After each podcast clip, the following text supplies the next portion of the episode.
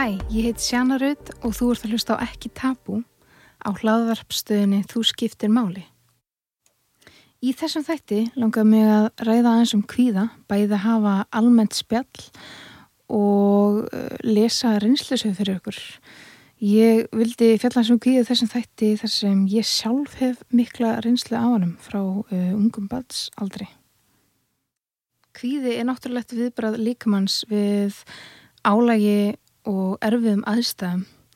Kvíði getur um mísjátt og mísmikill eftir fólki og hann getur komið fyrst fram út frá ymsum aðstæðum og þá oftast út frá áföllum og uppsöfnu álægi. Ég sjálf hafi þessi mann eftir mér að byrja að klíma við kvíða út af einildinu út skóla uh, og stuttu eftir út af kemfrisóbildinu sem ég var fyrir sem bann og uh, já, fór að upplega svolítið sterk líkamlega enginni og andlega van, uh, vanlegan sem ég skildi ekki þá. Um, það var meðlans bara ég reyndi að gera hvað sem er til að forast að mæti skólan ég hérna þóttist þér veik eða uh, reyndi að verða veik til að forast að mæti skólan eins og Uh, ég hafði gluggan opinn, ég fór svo með blökt hár, ég slögt á öllum opnum og, og var svona að reyna að fórkjælast eða að fá kvef til að fórast að mæta í skólan og minn leiði bara virkilega illa. Og það er svona uh, allavega minning sem setur rúslega fast í mér. Um, og hérna já, svolítið skrítið högst tilbaka ég hafi verið að upplefa kvíð, mjög sterk kvíða enginni frá því á badn Um, en ég ætla einmitt uh, að lesa fyrir ykkur reynslisur frá einstaklingum sem sendi sögu til mín. Uh, voru svo indisleg að senda mér sína sögur. Það voru þrjár sögur sem stóði svolítið upp úr uh, fyrir mér og ég okkur að taka fyrir í þættinum. En þar ég liti fólk svara spurninglista og hérna og fólk reyðir að sjálfsög hvernig að svara því. Um, og í næsta þætti mun ég fá til mín fagæðala og fara svolítið yfir svörin sem ég fekk frá ykkur uh, og kanna svolítið uh, svörin. Og það, það kemur betri ljós í, í hérna, næst, næsta þætti. Hér er saga frá einni konu sem er 27 ára gömul. Um, hún segist hafa fundið fyrst fyrir kvíða enginum þegar hún var 14 ára Uh, en áttast ekki þegar hún uh, áttast ekki aðeins fyrir hún var 16 ára og leitað til sálfarhengs og hún væri með kvíða. Hún segir að uh, kvíðin hafi það sem allir kvíðina hjá sér hafi verið einelti og kynfyrirsbrót og hún lýsir enginunum þannig að á slæmidögum finn hún oft verið vægum enginum nánast allan daginn eins og ógleði magaverki stanslösum áökjum og slíku. Hún hafi fengið mikið að kvíðaköstum sem, sér, sem lýsa sér uh, til dæmis með svima, hraðari undun, uh, gráti, skjál, skjál, skjálta og svita. Uh, einni upplifun á til starri kviðkvöst þar sem hún er undir miklu álægi sem er þá sumi enginni nema þar finnir hún líka fyrir enginum eins og sjóntröflunum og líður eins og hún sé að missa stjórnar sér eða jafnvel degja. Hún hefur leitað aðstofar fagfólks og segir að sínreynsla hafi verið mjög góð og mjög jákvæð og hafi farið til nokkura sálfræðinga og alltaf fengið mjög góða aðstofafræðum. Hún er mest notast á við HAM og örliti við EMDR. Henni finnist kvíði alls ekki verið að tapu umræði í dag og hún, hún sér svo rúslega heppin að hafi ekki mætt neinum fórtumum út af því og heldur ekki orðið vittnægi sem er bara aðeinslegt og auðvitað viljum við hafa það þannig að uh, enginn eða bara sem fæstir upplifu fórdóma gagvart uh, geðhelsinni. Næsta saga er frá annari ungrugdumi sem er títug. Um, hún segist að fyrst fundi fyrir kvíða enginum þegar hún var 8 ára. Þá man hún fyrst eftir að fengi kvíða enginni en mamma hennar muni eftir að hún hefði fengið það fyrr. Uh, hún segist að átt að segja að hún hafi verið með kvíða 17 ára en hún hafi aldrei fengið fræðslið en eitt samtal um, um hvíða og held bara að þetta væri eitthvað stress í sér Hún segir að það sem allir kvíðunum hjá sér að hún hefur lendið miklu einelti sem bæði líkamlega og andlu og það hafi bara vestna með árunum og sé ennþá að lendið í því. Engininn hennar lýsa sér þannig að hún fær hjartverki, ógleði, finnur fyrir svima, henni finnst erfitt að anda, hún finnur fyrir dofa í bæði höndum og fótum uh, og ef það er stórt kast þá dettur hún stundum út og segir að sé ekkert alvarlegt en hún munir bara geft því sem gerist eftir á og að stundum finnur hún fyrir miklum titring. Hún segist hafa leitað aðstór fagfólks og hún segir hún hafi farið til sjálfrængas í bann og fór í fylta námskeum sem áttu að hjálpa og styrkja hana. Síðan 2016 hefur hún verið hjá fjórum mismöndi sálfræðingum, einum skólasálfræðing, einum á hilsugjæslu og tveimur á sérstofu og farið meðal annars á námski sem átti um þetta styrkjana. Hún segir að hennar reynsla hefði ekki verið góð. Hún fekk oft þau svör að vandin liggi hjá henni en ekki öðrum uh, og þeirri vildi að hún inni með aðferðir sem henni fannst ekki virkaði að henda fyrir sig. Og hún ætti hún bara að reyna meira. Þegar hún reyndi að fá hjálp í mentaskólanum sem hún var í, þá var alltaf komið fram með henni eins og hún var í vandamálið. Þau vildi ekki hún tala mikið um þessi vandamál utan skóla og sögðu bara hreint út við hana og fóröldra hennar að þau held að fljóðlasta leiðin eh, að lausni þessu væri að hún færi hana að skóla. Og þeir sem hefur lagt hann í einelti og hrindin á gungu skólans, sendir henni döðhótanir, ógísli skilabóð, lendi ekki neinu vissinni og voru ekki látin axla ábyrð. Eh, hún segir að hún hefur unnið á kvíðanum með því að læra inn á sinn kvíða og sín enginni og hefur fundið talsvært að reynslisum á netinu og sá bara hvernig það virkaði fyrir aðra og pröfaði segja áfram til að finna hver leiðir getur virkað verið hana. Þá aðala sem hún getur gert sjálf. Hún lærði að þekka sín einn enginni og þá verða hann ekki eins hrætt þegar hún fekk kvíðakast því þá vissum hvað verið að gerast. En áður segist hún hafa liðið eða haldið og hún væri að fá hjálpt áfall. Hún viti strax hvað henni að gera í dag. Það virka kannski ekki alltaf en hefur þó oft bergað henni. Hún segir um leið og hún fattar hvað er gerast. Uh, þá veitur hún getur gert eitthvað í því og þar leiðandi verður kvíðin ekki eins mikill hjá henni. Hún segir að henni fyrst uh, kvíði vera mjög tabú, uh, sérstaklega hjá eldrafólki. En finnst þau líka vita minna um andlega veikindi þar sem miklu sjálfnar var að tala um það þegar þau voru ung. Frekar en núna þó að og finnist umræðin en þá vera oflítil í dag að mætti vera meira af henni. Henni finnst fólk á sínum aldrei meira í þeim pakka að segja að hún sé að íkja eða gera þetta fyrir aðtegli uh, og nefnir dæmi þegar bekkjarfélagar hennar fréttaði að hún var með undan þá mætingu og svo fleira og svo frammeins að þá var oft sagt við hann að hún var bara ljúa. Þetta var ekki svona alvarlegt og það eru bara allir með kvíða. Þriðja sagan er frá 27 ára gamalli hungri dömu sem segist að var alveg stupið fyrir eitthvað vennjulegt uh, heimili, fyrir eitthvað vennjuleg heimili en uh, mann eiginlega alltaf eftir sér að hafa verið fyrir eitthvað kvíðin og feimin. Hún átti erfitt með að fara í leikskóla og skóla þó hún muni ekki svaklega eftir því og tók reglulega grát og reyðisköst sem fóröldur hennar skildi ekkert í og fannst mörgum og meðalans fóröldur mennar þetta verið bara óþægt sem henni fyrst kannski rétti einhver leiti en uh, Hún hafi í rauninu alltaf lífað í miklum kvíða og óta. Hún dæmi að hún mann eftir að vera hrætt við jólasveinin því hann sá allt. Eh, hún hafi skrópað mikið í skóla, hætti að mæta mestuleiti í kring 14 ára aldur og smakkaði fyrst eh, stert áfengi og tók glasa vægum verkefliðum með því að lesið, eftir hann hafi lesið á Google að það myndi íta undir áhrifin. Eh, Vinnur hennar ringdi á sjúkrabíl og lögreglum kom og skuttlaði henni þá upp á spítara þar sem þetta var allt saman dælt upp úr henni. Hún hefði þá uh, verið samt á byggl. Þar fær hún fullt af greiningum og, og var greint með ímislegt, eða hefur með greint með ímislegt síðan þá. En hún er þar reglulega til að fram að átjánara aldri og þar á melli er hún með alls konar fólki eða nátt alls konar efni.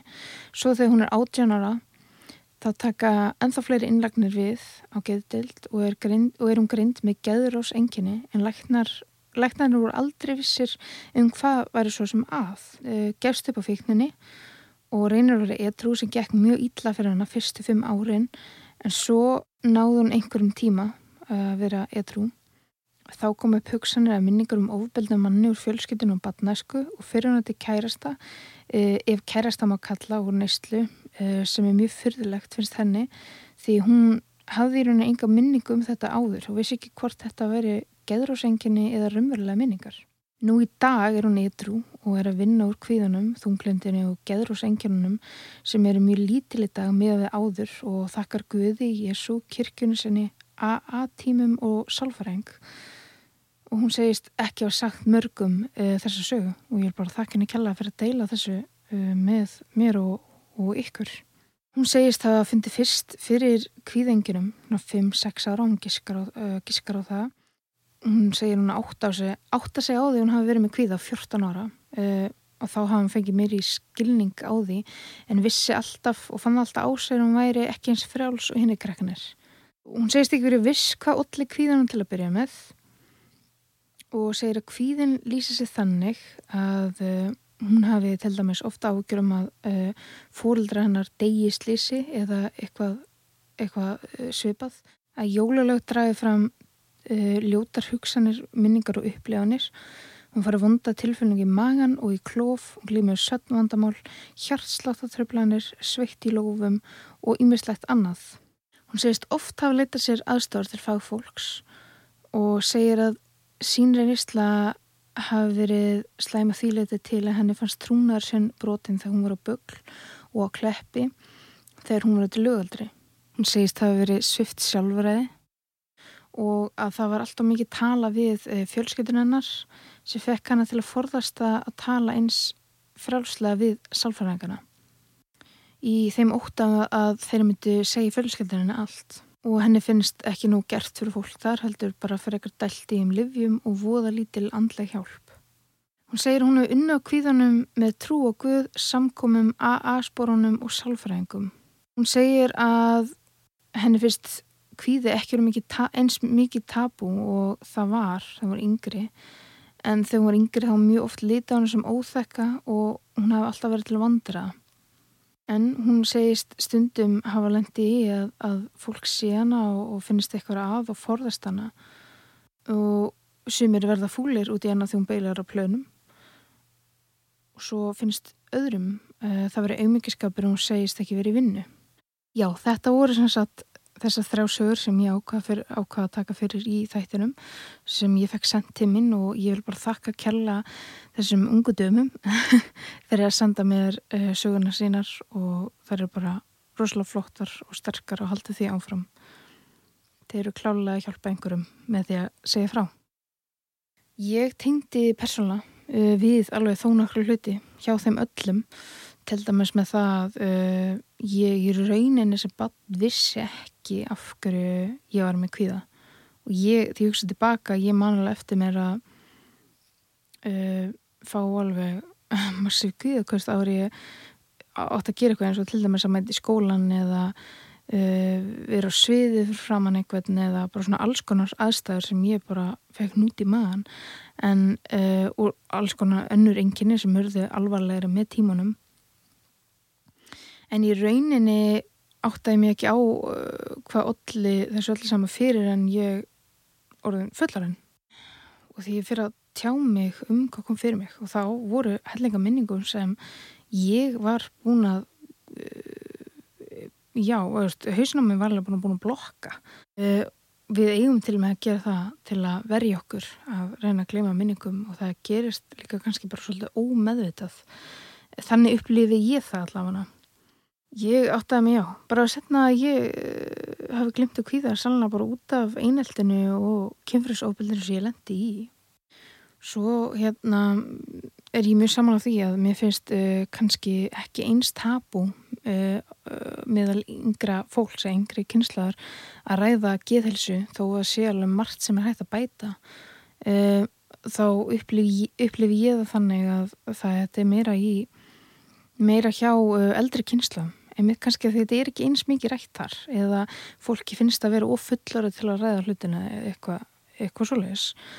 En uh, það auðvitað er það ekki. Ég held að það eins og ég sagði í kynningutættinum að það er ekkit vandamál sem er of lítið og stórt til að ræða. Maður er alltaf að ræða og því lengur sem að býða með því erfiðar erfið að verði það. En það er aldrei of seint að vinna hlutunum. En svo ég segði þá vildi ég taka uh, kvíða fyrir þessum þætti vegna þess að ég hef glimt við það frá að ég var bann uh, og já, eiginlega bara mína alla bannæsku uh, eiginlega frá að ég man eftir mér. Og ég hef upplifað alls konar forduma og mískilning einmitt um kvíða og sérstaklega af því ég er ofinbær mannskja og ég er í tónlist og er að koma fram uh, í viðtölunum og er að tjá mig í, í, í listina mína, þá hef ég oft upplifað það að fólk haldi að ég sé ekki með kvíða, ég sé bara að gera þetta fyrir aðtekli. Í fyrsta skipt sem ég tjáði um að ég væri veik og geði var árið 2016, það var í fyrsta skipti sem ég sagði það upp átt, það tjáði mig ofinbærla og ég gerði það á Facebook En á þenn tíma hafði sem sagt bróðu minn um, reynd að taka sitt eigi líf eins og hann hefði reynd svo oft. Og hann um, hann sagði við mig að honum fannst hann vera, fannst vera eitthvað að sér. Hann glimtist mikið þunglendi og hérna hann skildi ekki af hverju hann væri svona, hann væri eitthvað að sér. Þá sagði ég við hann það er ekkit að þér uh, það er allir að klíma við flestir ef ekki allir að klíma við þunglindi eða kvíði eða einhvers konar uh, einhvers konar geðhelsu vandamál og, það er ekkert óðurlegt við það. Og hann svona einhvern veginn uh, já, hann svona einhvern veginn trúði mér samt ekki og ekki alveg til að hlusta með pretikaði fyrir hann en uh, ég ákvaði þá bara að Ég, ég fattar svolítið bara að þetta er svolítið hræstna mér að vera að segja við hann í sem er kvíða viðkennaði fyrir honum og en hafa aldrei talað um það við neitt sjálf. Og þetta er í fyrsta skipti sem ég svona segi þetta upp átt með einhvern. Ég veist ég er með kvíða. Og ég hef alltaf öll þessi ára undan verið í byllandi vörn. Ef einhver settist niður með mér til dæmis pappi gerði það oft og reyndi að settist niður með mér og, og ræða þessi mál við mig þá fór ég bara ég, þú veist ekkert hvort að tala um ég er ekki með kvíða það er ekkert að mér, það segja sér eitthvað að mér veist, það var svolítið svolítið viðbröðu mín, ég var alltaf í byllandi vörn en hérna þarna áttaði ég mig bara svolítið á því Vá, ég er að segja bróðum mín að sé ekki að því að viðkynna maður sé að klíma við vandamál en samt er ég ekki til að viðkynna mín einn vandamál. Ég var í pjúra afnötun og ég áttaði mig á bara hvað þetta var mikil rest í mér. Þannig að ég uh, fó bara á Facebook og uh, þetta var sagt, uh, rétt áður en ég átti að taka þátt í söngita framhaldsskóla. Það var í annarskipt sem ég tók þátt og og hérna, já, ég ákvaði bara að tjá mig á Facebook og segja bara ég heiti Sannrödd og ég er með kviða og ég hef alltaf glemt um kviða já, og það voru alveg rosalega viðbröfið því og, og hérna frettamillar deil, deildu uh, pislinu mínum og hérna já, og það voru, já, bara ég bjóst aldrei við þessu viðbröfum ég fekk rosalega fallega móttökur og ég, ég var samt ekki, einhvern veginn ekki alveg átt að mig hvað ég var að tjá mig um. Ég er svona já, ég já, í rauninni ég gerði það ekki fyrir nákvæmlega setna áttaði mig svona betur á uh, kvíðanum, af því þarna var ég bara að þetta upp átt í fyrst skipti. Ég, eins og segja, ég hef alveg upplefað mikla fordama sérstaklega því ég er tónlistkona og er ofinbér mannskja að á þessum tíma og vorum mjög mikið að svo kallum vinum, eh, gerfi vinum eh, sem vorum með mér skóla og hérna ég komst að því að, að fólk var að segja að ég var að gera þetta fyrir aðtegli að því uh, öllum fannst ég að vera svo eðlileg einhvern veginn. Ég, ég var svo opinn og ég, mér fannst gaman að tala á fólk og ég er að syngja frá fólk. Það getur ekki verið að ég sé mig kvíð það var svolítið viðbröðið margra. Ég væri bara að gera þetta fyrir aðtegli og uh, ég maður til dæmis einhverjum spurði mig árið fór svið er þetta ekkert kvíðin eða liður kvíðla og ég, nei ég, ég auðvitað var ekki fara að segja en eh, ég, ég var alveg með nút í maðunum og, og, og hérna sveitt að lófa og fekk grát og grátköst og skjáltaköst alveg nokkur sinnum ári fór á svið. Ég held maður deilið því yfirleitt ekki með fólki sem náttúrulega bara maður á að geta bara að tala um það eins og, eins og um gleðina. Maður á að geta að tala um þetta erfiða líka. Um, en já, ég upplöfu svolítið svona eins og þú veist, ég væri bara þetta fyrir aðtikli og, og ég var ekki að klíma neitt. Ég lít nú alls ekki út fyrir að vera að klíma við neitt. Ég, ég væri svo hress og hérna og hérna opinn og já og örug á sviði, ég hef oft fengið að heyra það ég sé mjög örug á sviði en ég er það ekki. Jú, jú, því byrja að syngja, það er í það en, en heitna, það er talsverði pakki sem kemur á undan alltaf. Í svona 90% tilfella. En já, ég ennþá daginn dag upplifa alveg uh, alls konar miskiling og bara fáfræði uh, um kvíða. Ég hef oft orðið rúslega hissaði þar sem það hefur verið svo mikil umræð um þetta síðustu ár og Um, og mér í rauninu fannst svona þess að ég var að verða fyrst skipti að vera að tala um þetta í kringu 2016 og það var ástað fyrir ég ákvaða tjá mig og sagði mitt uh, það var mitt hashtag í gangi sem var ekki tabú og þannig fekk ég hugmyndina af nafninu á þessum þáttum. Mér fannst það hendugt að því það var fyrsta skipti sem ég tjáði mig um þar sem ég var að glíma við. Til dæmis um, hef ég upplefað líka fórðama frá fullanum fólki þegar ég var uh, bann, uh, bæðið frá kennurum og og fagaðlum sem er alveg gali að segja frá því að þetta voru fólki sem á leðbina manni og, og uh, það er ekki nógu vel uh, er ekki búin að fræða sér nógu vel um svo hluti. Uh, til dæmis þegar ég var í, í framhaldsskóla og var búin að vera í námi í einhverja annir og ákvaða því að búin að vera glíma við kvíðið minn hefði sett vestna svo rosalega og þeim tíma hafði ég ekki fengið neina fagafstóð eða leitað aðstóður á, e, á neitt hátt og hérna ég ætla að bara mingaði með fög, fögum og hérna vildi samt halda áfram í skóla. Ég vildi ekki tætta, ég vildi bara mingaði með fögum minga álægið, hugsa já þá geti ég tekið því svona minniskriðum gengum betur, en kennarin segja með á þeim tíma, brást rosalega ítla við og gerði lítið um mér og sagði að hún hefur enga reynsla kvíða en hún hefur lesað eitt og annað og og þetta er bara, ég er bara mikla hlutina fyrir mér og þetta er bara óþarf að drama í mér og ég er bara ég er bara, ég er ekki að láta svona.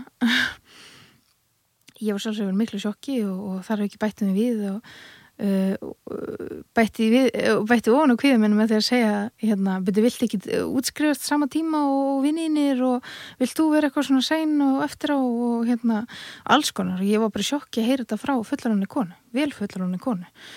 Og ég bara ég bara, bara hljóp út grátnandi og ég fór aldrei aftur í skóla eftir þetta ég ákveð bara að taka mig pása fyrir skóla og, og vinna í hilsunni og, og ég er kannski smá fúla að það sé liður svona langt, uh, það komið svona langa tími og ég er ekki ennþá búin að klára námið en ég held samt að, að ég held, ég veit að þetta var mjög góð ákvörðin hjá mér annars hefði ég aldrei unnið í hilsunum minni. Þannig kannski var það bara fínt að uh, lendi þessu atveki þó að hafa verið umilegt og, og auðvitað á, á fullan einstakleikur ekki að láta snúti sig við batn en samt ég held ég hefði aldrei farið og letið mér hjálpar nema haf, ég hafi kannski lendi þessu atveki kannski hefur bara gert það setna en ég hef bara ekki gert það, hver veit. Svo var annað atvek sem ég lendi uh, því ég var í sjúkraþjálfun. Um, þá, já, upplegið mitt líka fórtama þar og hérna Ég, já, ég var svolítið uh, undir miklu álægi uh, og mikið í gangi í lifinu, bara eins og kengur og kerist í okkur öllum. Og hvíðin hafði aukist alveg svolítið og ég var komið alveg róttalega vöðubólgu og alls konar bólgur líka mann magabólgur og, og, og hérna vöðubólgu, já eins og segði vöðubólgu og eins og stöðum og bara var, uh, já, bara verkið og, og bara alls konar vandamál, líkamlega vandamál. Og hérna, ég fór sem sagt, já, til sjúkraþjálfara. Og hún var að nutta mig og ég var hérna bara í Íþrættatóknum og og hún spyrir mig út vola bólkinu en ég já, ég, hérna, ég er með kvíða og hérna búin að með svo mikið uh, mér varst mjög erfitt að segja þetta upp, upp hátt við henni en ég ákvæði sem bara að vera heðileg og segja bara já, veist, ég er með kvíða og, og hérna, ég er búin að vera undir rosalega miklu álega undarferðið það er svona, já, er allir Íslendikar með kvíða, sérstaklega unga fólki er eitthvað, eitthvað öllum? Og ég er alltaf í smá sjokki og, og hérna líka þetta bara og veit ekki hvað ég að segja. Og svo lætur hún ímislegt annað út af sér sem ég frekar óveðandi sem ég ætla ekki að segja hérna í þettirum en uh, svona, já, ég var bara sjokki og ég ég fór ekki eftir til hennar. En já, svona já, eins og segi, það er alveg þó að umræðan sé alveg talsverð þá er ímislegt sem er ekki verið ræða, ímislega hlýðar kannski sem eru vandræðilegar að manni finnst kannski, þú veist, æg, þetta er nú ekki neitt hjá mér, þetta er bara, þetta er svo lítið. Og, og þegar maður hugsa svo leiðis að þá kannski vill maður ekki gera neitt í málunum maður svona frestar enda lust og finnst þetta að vera eitthvað svo voða lítið og en þú veist, eins og ég segi, það er ekkert vandamál sem eru lítið og stórtal að ræða. Ef það er að valda er vanliðan á einhvern hátt, þá áttu augljóslega að ræða það. Uh, og það er ekki til að skammast því fyrir þó að segja eitthvað sem þér finnst vera eitthvað ekkert mál og þá er það samt mál. Og það, þú veist, maður á alltaf þú átt skila að láta það líða vel. Það er bara það er, já, það er nummer 1, 2 og 3 sko, að huga að hilsunni ég vil kannski bara aðeins uh, já, segja hvað ég geri þegar uh, ég upplegu kvíða og ég er eins og ég er núna í uh, einstaklings áfallameðferð hjá hilsugesslunum minni og byrja þar meðal annars í ham og í, er líka í sálfæratímum og er látið að gera verkefni fyrir uh, hvert sálfæratíma og sem ég gera bara heima og fer yfir í, í tímanum og það er meðal annars verkefni sem eru tengt ham. Og það er með farið yfir þegar maður fær neikvar hugsanir hvað að gera, svona, hvað getur þú gert? Það er bara að sína sjálfur sjálfur sér hvað þetta er óraunhæft sem álægi sem maður sittir á sjálfur sig. Og, og maður svona, þegar maður lesi yfir kannski fyrst mátt að segja á því og kannski erfitt að svara spurningunum en svo með tíman og já, veistu, þetta er alveg rétt. Ég ég hókir að setja álag ásala mig. Sko, það er alltaf mikilvægt að bara segja, finna eitthvað til þess að tala við. Um, það er það er ekkert einfalt kannski fyrir alla að fá faglega aðstóð uh, það er ég vil segja að það er helling í bóði sem ég langar að fara kannski aðeins nánar úti í næsta þætti. En það er helling í bóði og ég var hissaði sjálf, ég held alltaf að það væri ekkert í bóði fyrir geðhelsuna, ég held að það væri bara þú veist uh, já ég, ég held bara sálfræði og búið og ég meiri segja var sálf alltaf með fórtum að gagvart sálfræðingum. Ég vissi ekki svona af, af hverju. Ég bara vildi ekki ræða hlutan ég, já, byrjaði mjög seint að fá uh, fekk mjög sent aðstóð þetta er fyrst skipti núna þess ára sem ég er rauninni ger eitthvað í mínu málum og hérna og það var bara út af fordamum og líka kannski ég á bara að heyri kringum með það væri bara algjörst bara algjör óþarfi að ræða hlutina. Það væri ekkert svona mikið mál. Og endurlega að gera lítið úr sjálf mér á minni einslu og sérstaklega með það sem er hljóma fárunlega kannski fyrir öðrum en maður hugsa svona oft um sjálfna sig. Bara eins og með kynfrisopaldi sem ég var fyrir í badnæsku, ég hugsa alltaf bara þetta er náttúrulega ekkert mál. Að ég er bara miklu þetta fyrir mér. Og fór að gera lítur minni nýslu í, í, í mínum haus, bara minka allt og gera allt einhvern veginn svo mikið minna en það var, þá hafi nú verið bara mjög alvarlegt, þá er allt alvarlegt að fullan einstaklingur brítur á badni það er ekkit, ekkit það er ekki hægt að gera lítið úr því, það er bara alltaf al alvarlegt punktur. En það er, ég, ég get alveg hugsa svolítið um einhvern annan en þegar maður hugsa um sjálf og sig, maður fattar ekki ok, ég var bann, þegar maður fyrir hugsa svolítið þá er já, ok, já þetta, auðvitað, auðvitað er þetta alvarlegt. En maður á það til að gera svolítið lítið úr sinni einu reynslu. En það ég held að það sé einn aðal ástæðan fyrir að fólk uh, forðast að vinna í sínu málum eða tala um hlutina því þeir finnst það ekki vera nóg. Það er bara svona, á, þetta er ekkert mál sko. ég get alveg, alveg tekist á þetta. Ég hafa ekkert að vera að væla í einhverjum eitthvað svona. Um, og svo líka það að ma maður miklu svolítið fyrir sér kannski uh, að ná ákveðinu markmið, markmiðum. Uh, ég veit að ég sjálf uh, ég gerir mjög mikið. Ég er sérst bæðið að samja og ég tek upp og pródusera lögið mér sjálf og, myndbönd og, myndböndir sjálf og vinnmumbuti sjálf og hérna mála og, og hérna svo er ég móður líka og ég ger ímislegt en ég, alltaf því ég ger eitthvað. Ég ger lítið úr öllu sem ég gera því mér finnst ég aldrei að gera nóg. Ég set mér svo stóð markmið og ef ég næði ekki þá er það bara þá er alltaf ómögulegt. Og þetta er eitt sem ég glýmið við kvíðanum er það er hérna að finnast ég ekki gera nóg og ég, ég bara það er allt bara einhvern veginn ónýtt ef ég næ ekki að gera eitthvað ákveðið sem er alveg fórnlegt af því maður á ekki til að setja svona miklu pressu á svona sig, það er bara, maður gerir bara sem maður getur og, og maður á fag, einmitt að fagna þessum litlu sigurum. Uh, bara sem dæmi þegar ég grindist með áfallstættur öskun núna í byrjun þess ás uh, ég átti sem sagt uh, drengi minn í fyrra í oktober og eftir það glimti ég sérsagt við mikið þunglindi og áfaldstættiröskun af þess að vita því að því ég þorði ekki að leita mig hjálpar. Og hérna ég var að glímaði marstrar okkur um einasta kvöldi, ég vaknaði upp grátnandi og öskrandi og, og þú veist, alls konar vandamál. Um, og ég samt var svo ákveðin að ná að klára heila plötu og ég einhvern veginn bara því ég ná ekki að klára og ná ekki að þeim tíma, uh, út af þeim tíma sem ég ætlaði mér þá var ég bara, ég er umöldið því sem ég er að gera. Ég bara, sem er fáralegt þannig að ég tókst að koma uh, litlum einstakling inn í heiminn og það er bara út af fyrir sig að vera stórt uh, stór sigur. En hérna á þetta tíma, mér fannst það ekki. Mér fannst ég að gera nú og hérna og ég manni sagði einhver tíman við einhvern að mér finnst ég ekki að gera nógu þetta inn og, og veist, ef ég næ ekki að klára eitthvað markmið sem já, þá bara satt mér, herðið, þú átt bann og það er alveg nóg, sko. En ég hugsa þannig þannig ekki. En ég held að þeim er að kannski dásta einhverjum öðrum, hvað þeir eru duglir maður, maður sér þá allt öðru sig, allir sjálf sig.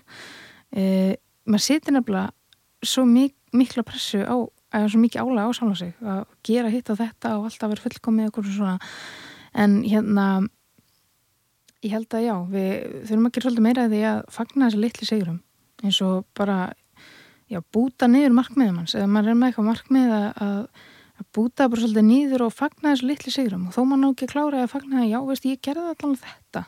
Þó að hafa ekki, þú veist, þó maður finnist það ekki vera neitt að þá samt er svo holdt fyrir mann að reyna að fagna sjálfsins staðin fyrir að uh, draga sjálfsins niður eða gera lítið úr manni En eins og ég segi, hvíði er alls konar og það er, það er svo mikið að það er valla hægt að taka fyrir bara í þessum þætti.